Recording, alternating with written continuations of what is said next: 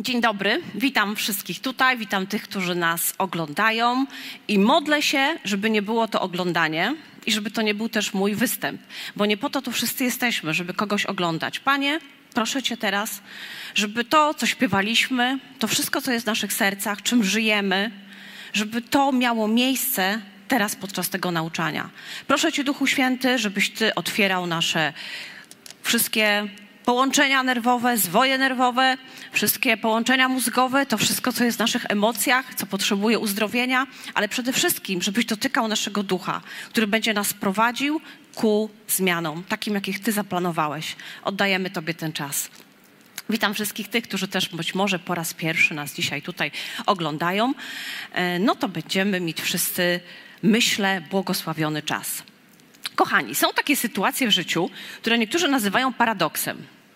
To znaczy, brzmi jak paradoks, ale jak się dłużej zastanowić, to paradoksem nie jest. I trochę dzisiejszy temat tego, co będę mówić, jest właśnie tak e, pozornie paradoksalnie. Brzmi tak: stracić, aby zyskać. No bo strata i e, zysk troszkę się z sobą, e, można powiedzieć, po ludzku i na pierwszy rzut oka wykluczają. Tak? No, kiedy coś tracimy, to raczej nie zyskujemy. Ale czy na pewno? Już zdradziłam, że to tak pozornie paradoks. Wyobraźmy sobie sytuację, że jest chłopak, jest dziewczyna, wiodą świetne i szczęśliwe życie jako single. Nie są jacyś niespełnieni, nie narzekają na swoje życie, mają, nie wiem, świetną pracę, e, świetnych przyjaciół i generalnie jest ok. Poznają się, jest coś, tak? Amor, miłość, motylki w brzuchu, jak to tam zwał, albo decyzja, zakochują się, biorą ślub. W pewien sposób muszą stracić swoją niezależność, tak? Swoją taką niezależność kawalerską i niezależność panieńską na rzecz zależności, czy najbardziej nawet współzależności małżeńskiej. Można powiedzieć strata, no zgadza się, strata, bo do tej pory na przykład on mógł sobie, nie wiem, co wieczorami długo pograć z kolegami e, na komputerze, no a teraz powiedzmy raczej e, ma inne zajęcia Czasami sobie pogra, no ale już wiadomo, chciałby też nawet sam spędzać inaczej czas. Więc można powiedzieć, że coś tracimy, tak? W ich przypadku oni z czegoś rezygnują, tracą, by zyskać. Można pomyśleć sobie o rodzicach, którzy decydują się na dziecko, ile oni tracą godzin snu. No, wszystkie tutaj po prostu i mamy, i tatusiowie, mamy pewnie bardziej, gdy karmią, tak? Można powiedzieć, tracimy przespane noce. Tracimy, niektórzy być może nawet stracili figurę, tak? W związku z tym, że po ciąży nigdy jej nie odzyskali. Można powiedzieć, jest strata. Ale czy to jest tylko strata? Czy zysk nie, prze, nie przewyższa straty? Taki troszkę przykład mi przyszedł też do głowy, yy, można powiedzieć, bardzo taki drastyczny. Kiedy ktoś na przykład oddaje swoją nerkę, traci nerkę, na przykład dla kogoś bliskiego, żeby ten inny mógł żyć. Więc ja, gdybym to ja była, tracę coś, tracę nerkę, ale zysk jest taki, że bliska osoba przeżyje dłużej. Więc zobaczcie, czasami to, że coś jest strata, niekoniecznie oznacza, że jest tragedia. Największy przykład. Jezus stracił życie. Stracił życie, żebyśmy my, żeby tak naprawdę zyskać nas. Stracił życie, będąc na ziemi, a zyskał dla nas życie wieczne. I ja pomyślałam sobie, że mówimy stracić, by zyskać, a Jezus tym, co uczynił i troszkę ucząc nas swojego myślenia, pokazuje, że On widzi stratę jako inwestycję. Strata czasami dla nas jest tylko stratą. Tak naprawdę ci nasi wspomniani młodzi ludzie zainwestowali w wspólną przyszłość. Stracili być może swoje niezależne i bardzo udane życie w pojedynkę, ale zainwestowali w wspólną przyszłość. I teraz być może są starszymi ludźmi i cieszą się wnukami i odcisnęli swoje piętno na tym świecie. Wiecie, czasami ten ktoś, kto oddał tą nerkę, nie stracił, zainwestował swoją nerkę w życie drugiej osoby, być może bliskiej lub dalszej. Zobaczcie, to jest inwestycja. Jezus trochę nam pokazał, nawet nie trochę, tylko bardzo, że gdy tracimy z Jego powodu, tak naprawdę zyskujemy. I oczywiście e, jest mnóstwo przykładów e, tego, co my możemy na drodze z Jezusem stracić, by zyskać. I ja ich wszystkich nie zamierzam wymienić, bo ani ze mnie żaden ekspert, ani nie jestem nawet w stanie.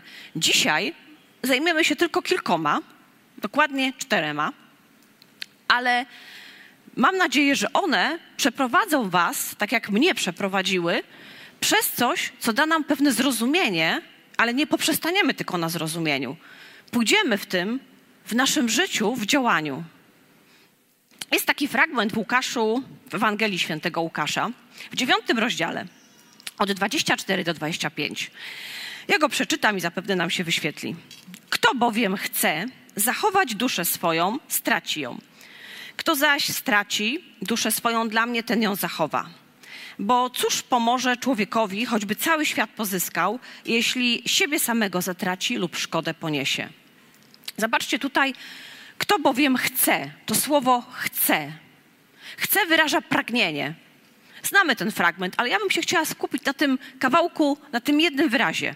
Kto bowiem chce, chce. Ja nie wiem, co ty chcesz, ale Jezus zawsze, zobaczcie, zajmuje się tym, co chcemy. Nie patrzy tylko na to, co robimy. Nie patrzył tylko na Marię Magdalenę, że grzeszyła, tylko patrzył na jej serce. Czemu to robiła? On zawsze dotyka tego, co ty chcesz. Czego ty chcesz? Gdzieś tam bardzo głęboko. Kto chce? Nie wiem, czego chcesz, ale jeśli chcesz zachować swoją duszę, stracisz ją. I to nie jest groźba. Kto zaś straci duszę swoją, i zobaczcie, tutaj już nie jest powiedziane, kto zaś chce stracić duszę swoją.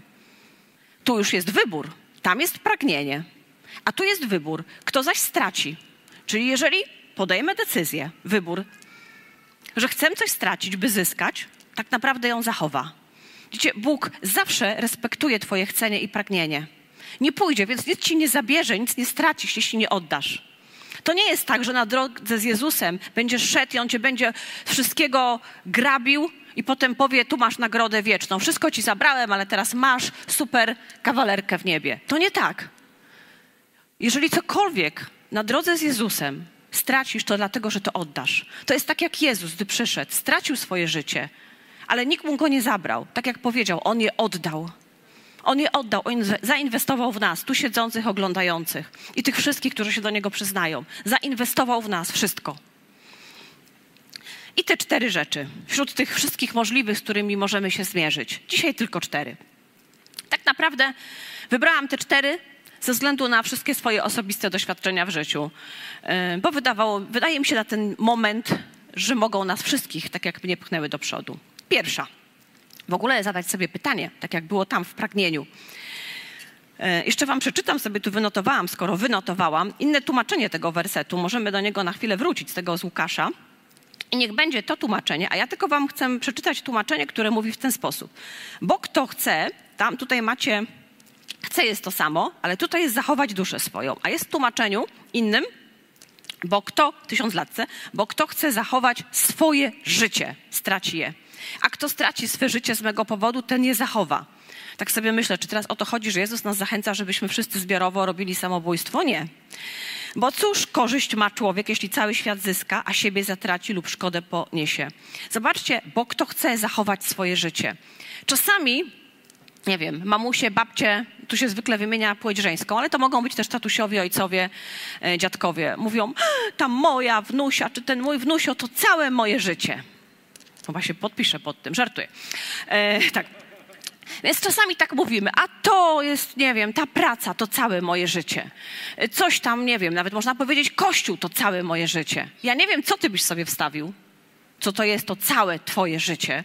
Może twoja rodzina to całe twoje życie. I teraz Bóg nie chce ci tego wszystkiego zabierać, bo najprawdopodobniej to On cię tym pobłogosławił. Ale i tak, wcześniej czy później, przychodzi moment, w którym my Jemu oddajemy nawet naszych najbliższych, dziś w naszych decyzjach, ponieważ oni, ci najbliżsi, też należą do Niego. I oni najpierw muszą słuchać Jego. I to jest to nasze oddanie tego naszego życia. Czy ono jest, czy my tylko bardzo chcemy je zachować dla mnie, dla siebie, żeby wszyscy mi służyli i tak naprawdę niech robią to, żeby było dobrze. Także nie wiem, co jest Twoim życiem, ale cokolwiek wymieniasz, gdy pomyślisz, co jest Twoim życiem, to o to dzisiaj Jezus się upomina. Po to tylko, żebyś zainwestował tak, jak On zainwestował. Żebyś zainwestował wszystko, żeby otrzymać wszystko. Pierwsza rzecz, bo mamy je cztery. Pilnujcie mnie, czy każdą wymienię. Pierwsza. Stracić wyobrażenie, takie pewne przekonanie, że życie z Bogiem to jest życie bez bólu. A, tak muszę być oczywiste. Ja często o tym mówię. Nie wiem, chyba mam jakieś życie pełne boleści, ale nie dlatego. To się wam wydawać może takie oczywiste. No przecież wiadomo, że życie boli. To nie o to chodzi. Czym... Słuchajcie, ja nie pytam o to, czy nas coś bolało. Ja pytam o to, co my mamy wbudowane w głowie.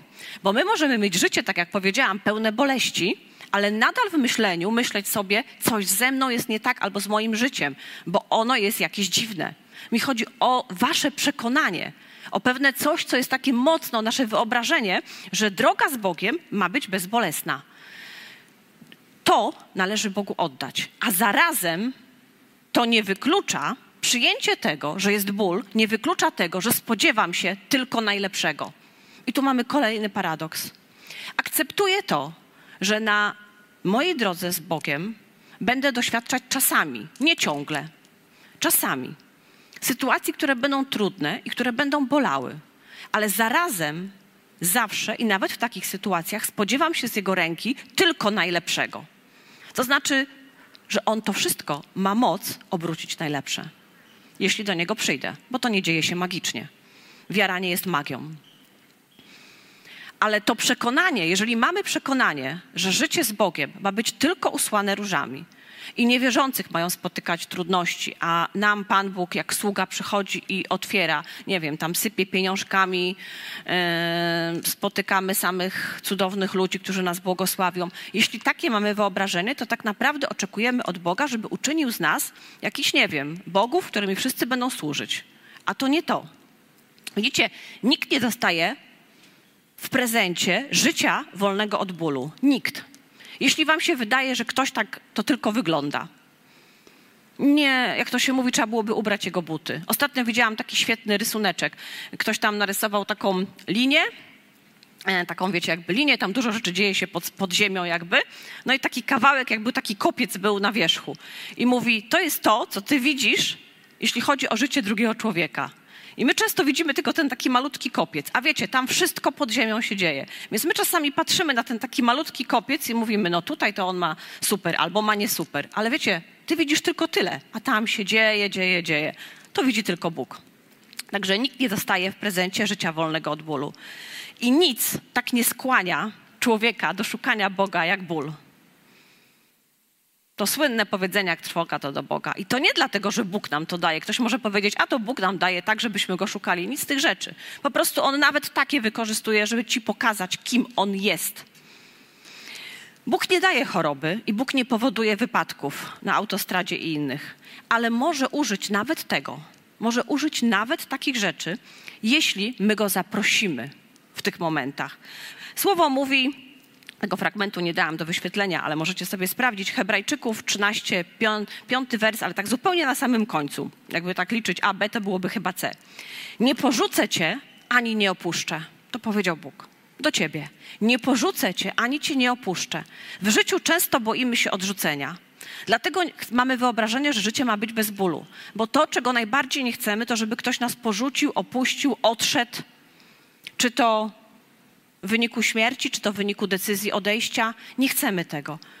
Jedynym gwarantem jest to, co mówi Bóg o sobie. Nie porzucę cię, ani cię nie opuszczę. W żadnej sytuacji. I w takich sytuacjach Bóg chce, czego Bóg chce? Dać ci się poznać. Dać ci się poznać i oprócz tego pokazać ci, kim ty jesteś. Wiecie, że w bólu można bardzo zobaczyć, jak bardzo Bóg ciebie kocha i kim On jest. I możesz się nim zachwycić kim On jest. Niekoniecznie, co On cudownego robi dla mnie, ale kim On jest. I kiedy się zachwycimy tym, kim On jest, to połowa, jak nie trzy czwarte problemów nam odejdzie. Takich, czy jak ja wyglądam, czy mnie lubią, a co powiedzą, gdy to zrobię. Ponieważ wiesz, kim jesteś i wiesz, kim On jest. Także Bóg chce nam dać w tych miejscach Twojego bólu, poznać się, kim jesteś. Zyskujesz to i wewnętrzną przemianę. Widzicie, jeżeli będziemy mieć, stracimy. Stracimy to oznacza oddamy. To znaczy w Bożej terminologii stracić, to znaczy oddać. Bo diabeł przychodzi i zabiera bez pytania. Wiecie, znacie fragment, tak? Że on przychodzi, kraść, zabijać. On nie pyta. To jest jego definicja straty. Boża definicja straty jest taka, że ty oddajesz. Więc jeśli oddasz Bogu swoje wyobrażenie, jak ma wyglądać twoje życie i ono ma koniecznie być usłane różami i bez bólu, a będziesz się spodziewał najlepszego, dopuszczając to, że nawet jeśli będzie ból, to On cię przez to przeprowadzi, ponieważ powiedział, że nie opuści i nie porzuci, to zyskujesz wtedy. Tracisz to, ale zyskujesz wewnętrzną przemianę. Coś się w tobie zmienia na wieki. I widzisz to ty i widzą to inni.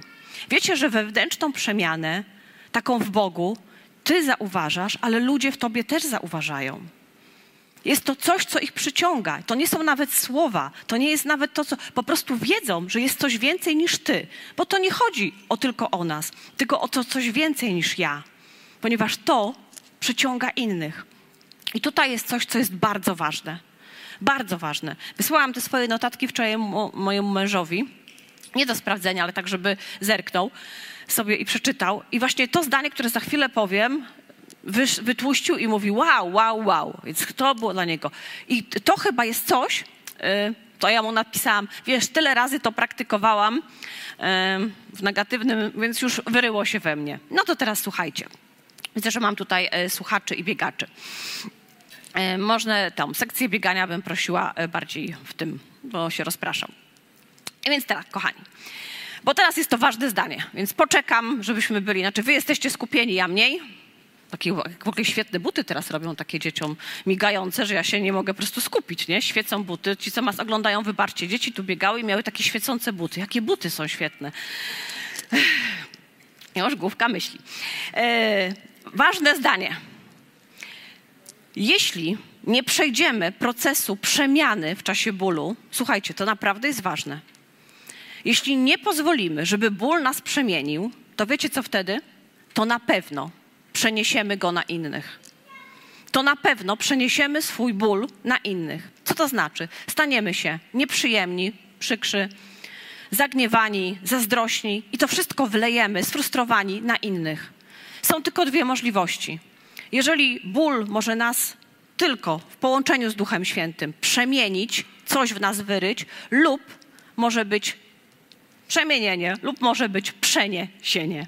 Przeniesiemy go na innych. Po prostu poczęstujemy innych. Będziemy stawać się coraz bardziej nieprzyjemni dla innych, coraz bardziej w reakcjach. To czasami na początku potrafimy to długo kontrolować. Na początku wychodzi to tylko wtedy, jak ktoś nam zajedzie drogę albo stanie się coś nagle. Nagle nas coś ruszy, wtedy. Ale potem zaczyna to być coraz częstsze.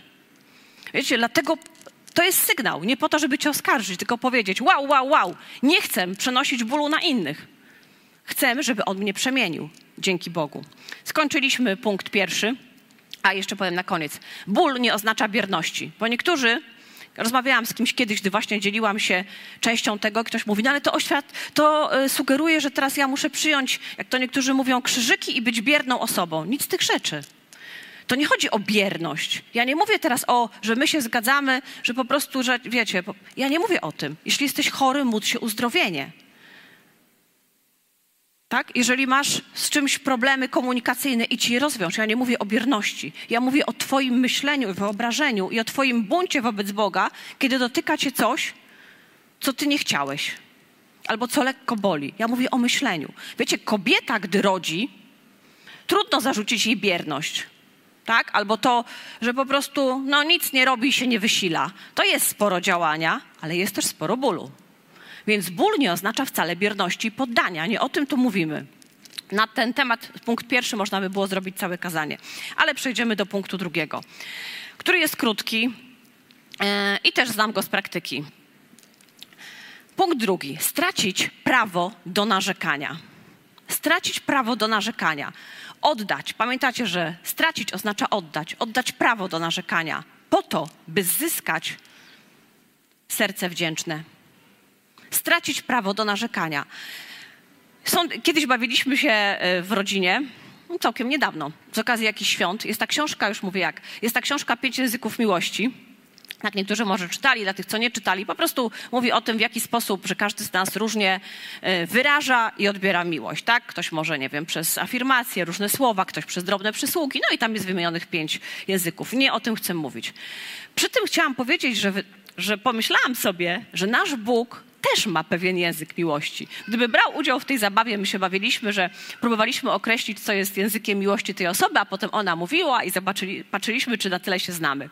I pomyślałam sobie, że że gdyby nasz Bóg miał y, nam powiedzieć, jaki ma język miłości, to z tego, co z Biblii się jakby y, nam jakby tak pojawia, to jest wdzięczność, że językiem miłości Boga, jak my możemy Mu okazać, to jest nasze wdzięczne serce.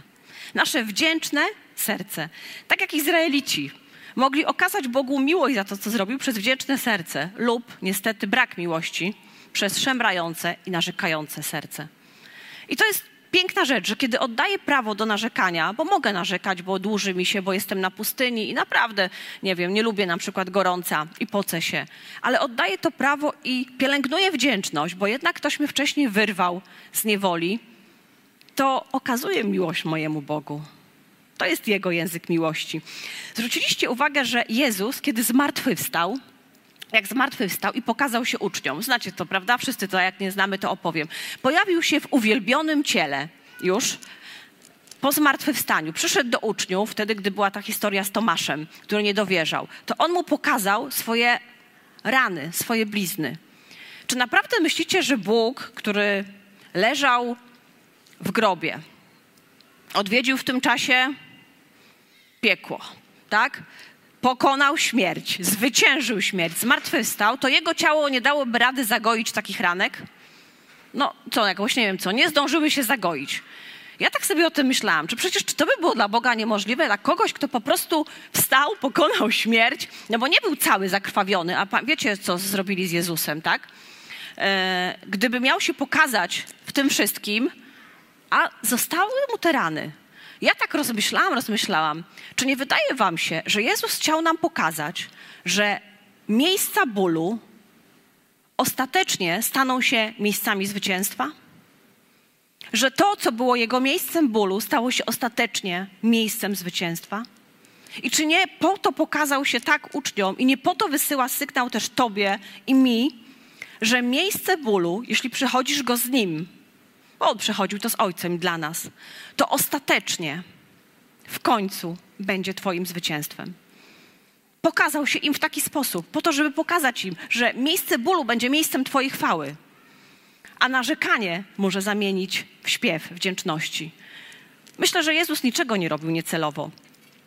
Dlatego możemy zawsze dziękować za końcowe zwycięstwo w tych naszych chwilowych utrapieniach. Zawsze możemy dziękować przypominając sobie Jezusa po zmartwychwstaniu.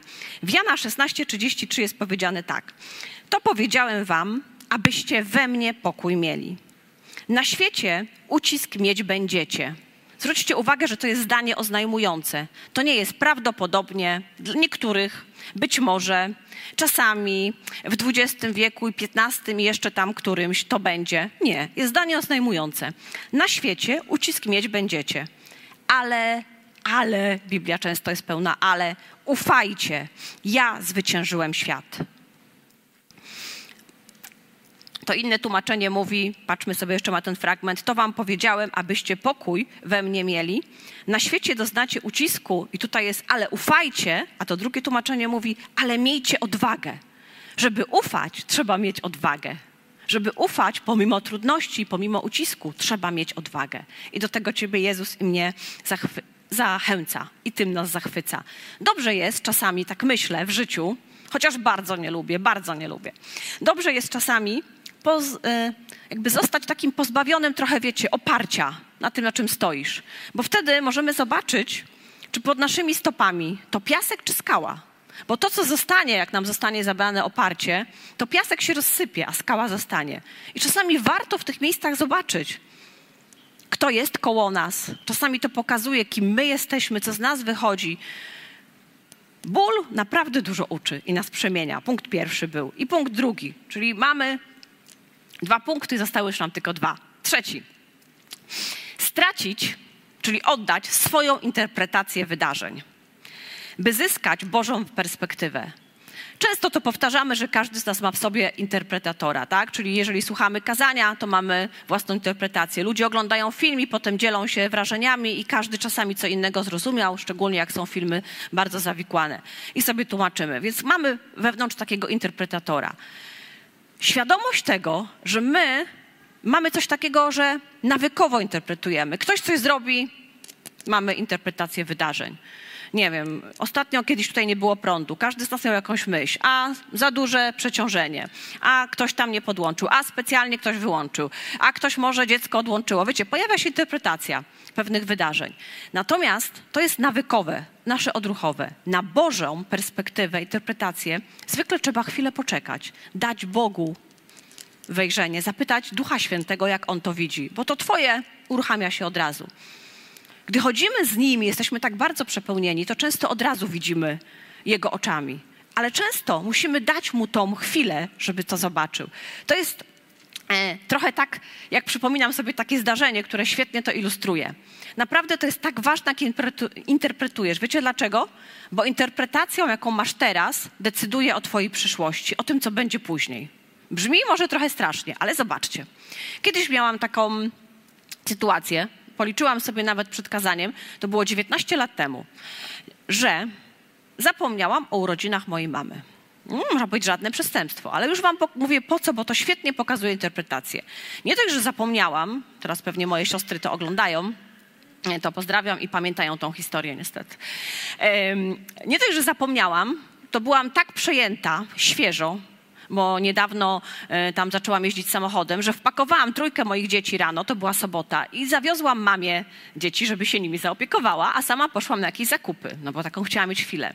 Moja mama chyba żyła w przeświadczeniu, że jej szykuje jakąś niespodziankę i te dzieci to jest pretekst, że jej przyjechałam zostawić.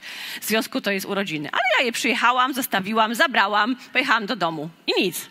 I dopiero jest popołudnie, wieczór i dzwoni od moich rodziców jedna z moich sióstr, Mieszka, a ty będziesz dzisiaj? Ja mówię, a już byłam. Czemu mam być dzisiaj, nie? I mówię, no są mamy urodziny. Ulala, bo my już tu wszyscy jesteśmy i tak nie wiadomo. Mama mówi, że byłaś rano, że jakoś tak gonisz, no ty tyle masz tych zajęć i tak dalej.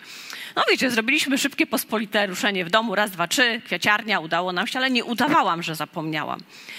I teraz, po co opowiadam to? Interpretacja mojej mamy i moich sióstr miała wpływ na całe późniejsze wydarzenia. Bo wiecie, one mogły, moja mama mogła powiedzieć, no tak, o wszystkich myśli, tylko nie o mnie. O dziwo tak nie zrobiła. Dziękuję jej za to. Moje siostry mogły pomyśleć, no najmłodsza, po prostu, no po, po prostu, no w ogóle. Nie, tak ją rodzice kochają, a ona proszę, czym się odwdzięcza? Mogło być tak. Mogło być tak? Mogło.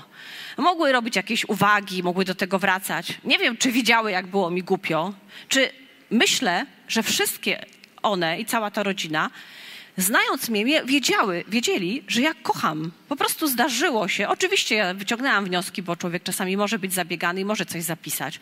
Ale wiecie, to potem, a propos przyszłości, nie zinterpretowały tego ta niedobra Agnieszka, niewdzięczna jak mogła. Zinterpretowały to, zdarzyło się, nawet więcej. Gdy pojawiały się następne jakieś wydarzenia rodzinne, moja mama notabene, której zapomniałam, dzwoniła, wiesz, jutro są urodziny twojej siostry, może byś, jakbyś pamiętała. Więc rozumiecie, już wiedziały, że trzeba mi przypomnieć. Super. Interpretacja zmieniła, rozumiecie, a mogłyśmy, mogliśmy mieć historię nie żartobliwą, którą wspominamy do dzisiaj czasami, a pamiętasz, jak to było śmiesznie? A mogliśmy mieć historię, która byłaby wyrzutem rodzinnym, rozumiecie? Można było z tego zrobić problem na długo.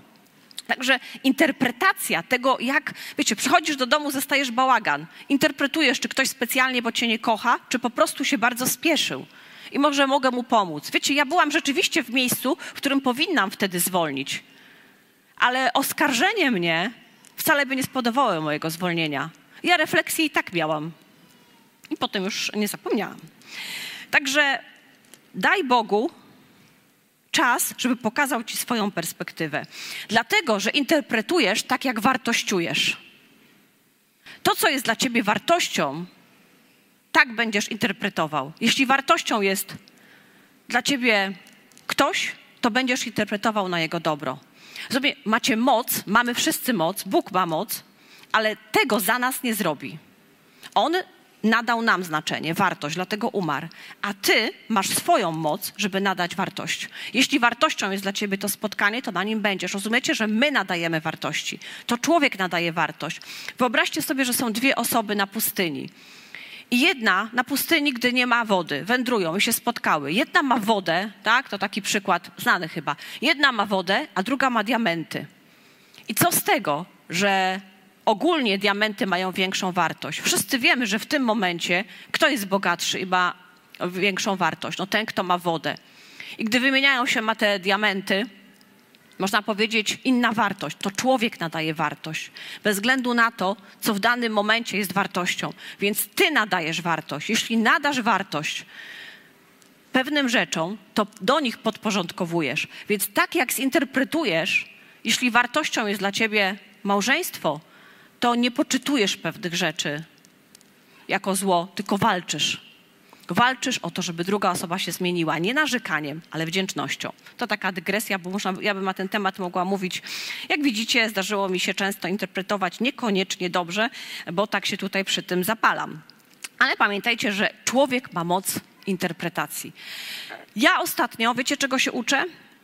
I będzie ostatni punkt i będziemy kończyć, ale do tego punktu, do tego trzeciego, do tej interpretacji. Uczę się interpretować, co to znaczy, doświadczać cudów Bożych.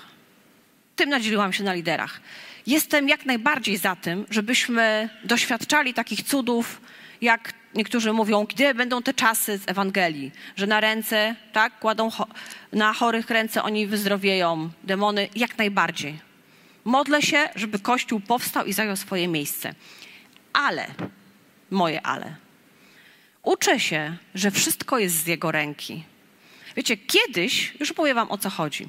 Kiedyś, gdy poznaliśmy pastora Pawła i Asię Godawów, pamiętam, kupili mi perfumy. To były moje pierwsze perfumy w życiu, takie z drogerii a nie tam gdzieś z jakichś takich tych katalogów, tam wiecie, za 20 zł. Moje pierwsze, i ja mówiłam, że to są perfumy z ręki Boga.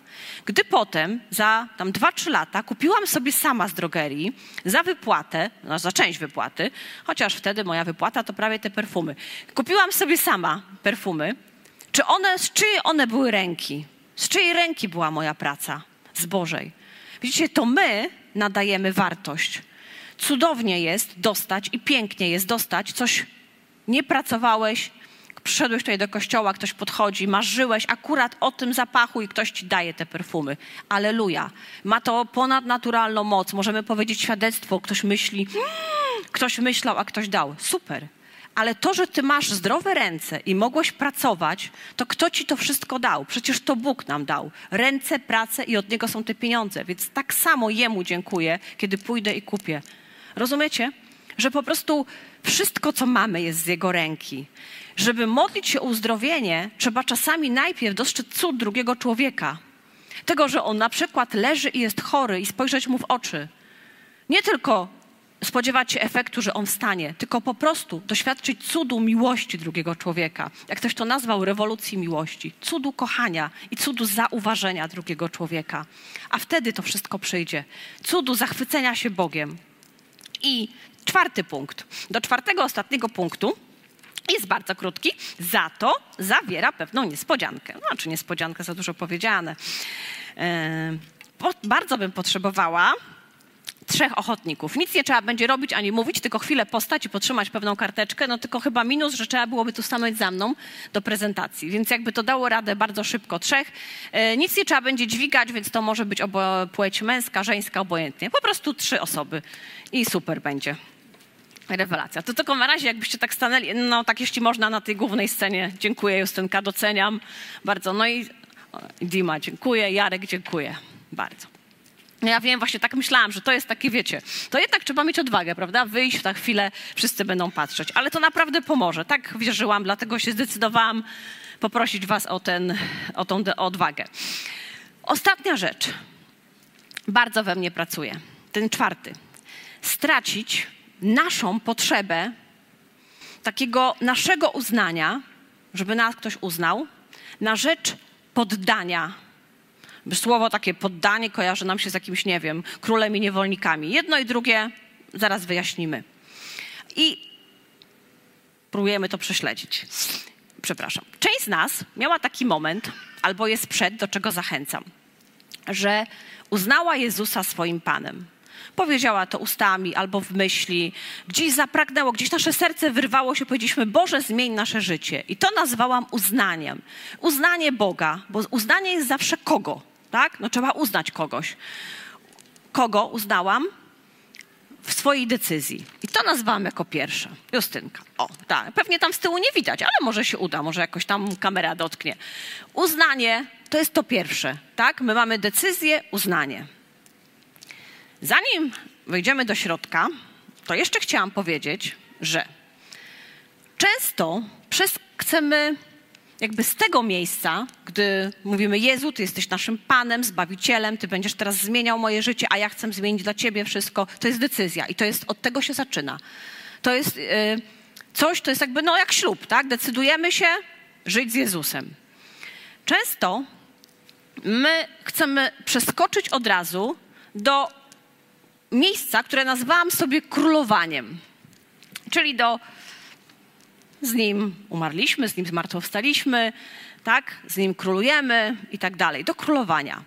I czasami jesteśmy frustrowani w życiu, bo mówimy, przyjąłem Jezusa, zdecydowałem, ale nie widzę w swoim życiu, nie wiem, świętowania, królowania Jezusa. Ale jest coś, co jest pośrodku, bez czego się nie da i te pozostałe punkty to w sobie zawierają. Te pozostałe punkty są częścią składową tego. To jest poddanie. Poddanie jest zawsze procesem. Widzicie, my często, my, ja przynajmniej czasami, wydaje nam się, Jezu, jestem przy Tobie, i często ten moment, gdy przyznajemy się do Boga, widzą wszyscy. I czasami ten moment, kiedy my już Bóg nam udzielił pewnej, pewnego autorytetu, też widzą wszyscy ale tego momentu środkowego bardzo często nikt nie widzi, bo to jest moment, gdy ty jesteś gdzieś tam w swoim domu, w swojej komnacie, na kolanach, w tych punktach pierwszych, w bólu, gdy oddajesz swoją interpretację na rzecz Jego interpretacji, gdy oddajesz swoje wyobrażenia, jak ma wyglądać Twoje życie na rzecz Jego, to jest proces, a to jest tylko efekt procesu. I widzicie, możemy być całe życie sfrustrowani, nawet jak przyjęliśmy Jezusa i trafimy do nieba przyjęliśmy Jezusa, trafimy do nieba i nagle dopiero tam się okaże, wow, jak mogło wyglądać nasze życie, gdyby było efektem procesu, które byśmy przeszli na ziemi, a być może się jemu nie poddaliśmy. To jest nasza decyzja. To jest nasza decyzja, ale to jest nasza decyzja powiedzmy raz, a to są nasze decyzje codziennie. I to są nasze decyzje, które czasami bolą, bardzo często.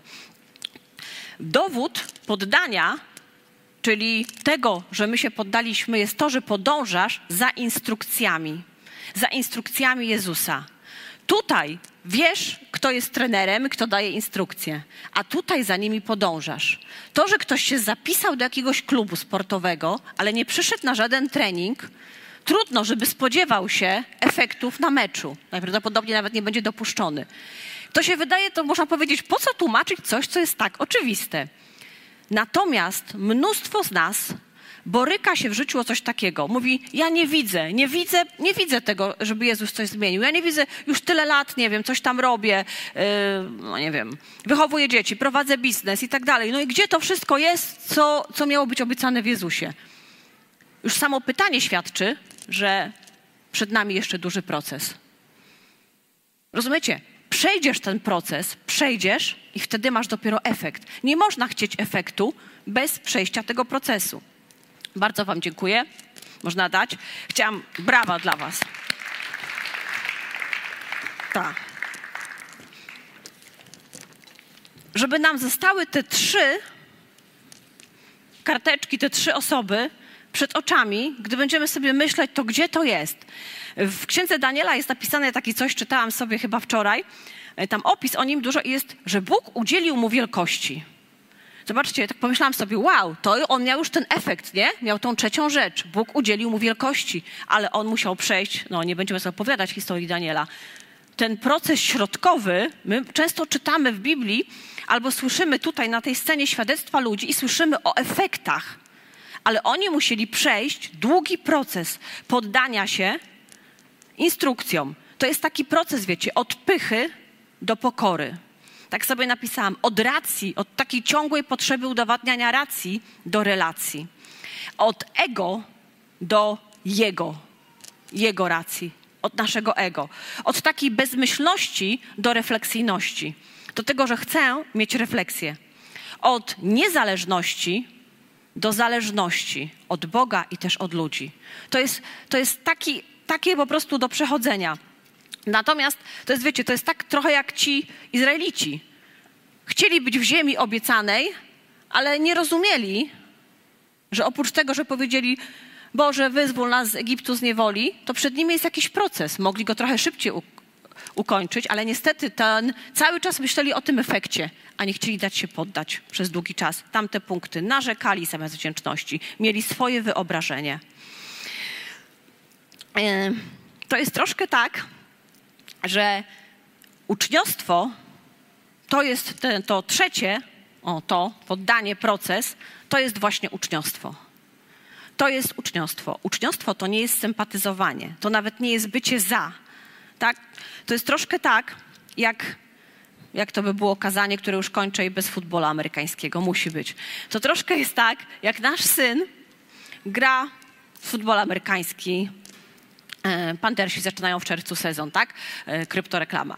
Ale zobaczcie, on jest zawodnikiem tak? On jest tym, jeśli chodzi o zespół sportowy, który podąża za instrukcjami trenera. On jest tym, który ćwiczy, trenuje prawie codziennie. On jest tym, który wraca treningów jakiś tam po obdzierany. Miało nie być o nim, bo zapytałam, czy mogę mówić, ale powiedziałam, że tylko ogólnie nie o nim, a jednak. Więc, ale on jest tym. Zobaczcie, i to jest podążanie.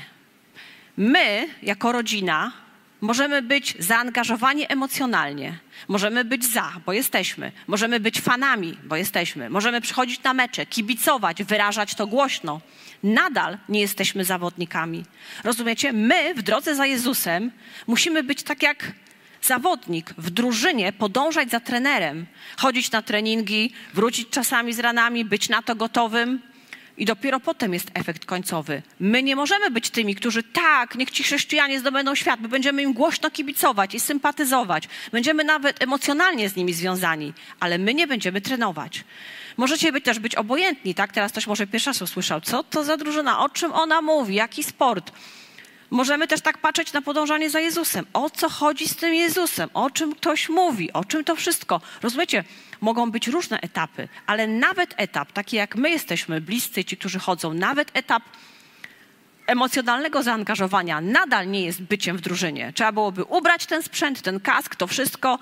Druga sprawa, nikt by nas nie przyjął, ale podążać za instrukcjami trenera i dopiero wtedy być zawodnikiem. Dlatego Twoje uczniostwo wyraża się w Twoim poddaniu. Nie w decyzji, że się do klubu zapisałeś, tylko w poddaniu, w codziennych decyzjach i do tego nas Bóg uzdalnia. Także w jakiej drużynie, kochani, gramy i dla kogo? To jest pytanie. Chciałabym na koniec, żebyśmy się pomodlili. Tak, tak po prostu nagle, bez specjalnych rzeczy, dlatego że pewien paradoks jest tylko możliwy w Bogu, czyli żeby stracić i zyskać. I chciałabym się pomodlić o to, żebyśmy dzisiaj na wieki, ale dzisiaj być może zobaczyli coś, bo większość rzeczy sądzę, które tutaj mówiłam, każdy z Was dochodził do tych wniosków. Duch Święty pewnie większości z Was pokazywał te rzeczy.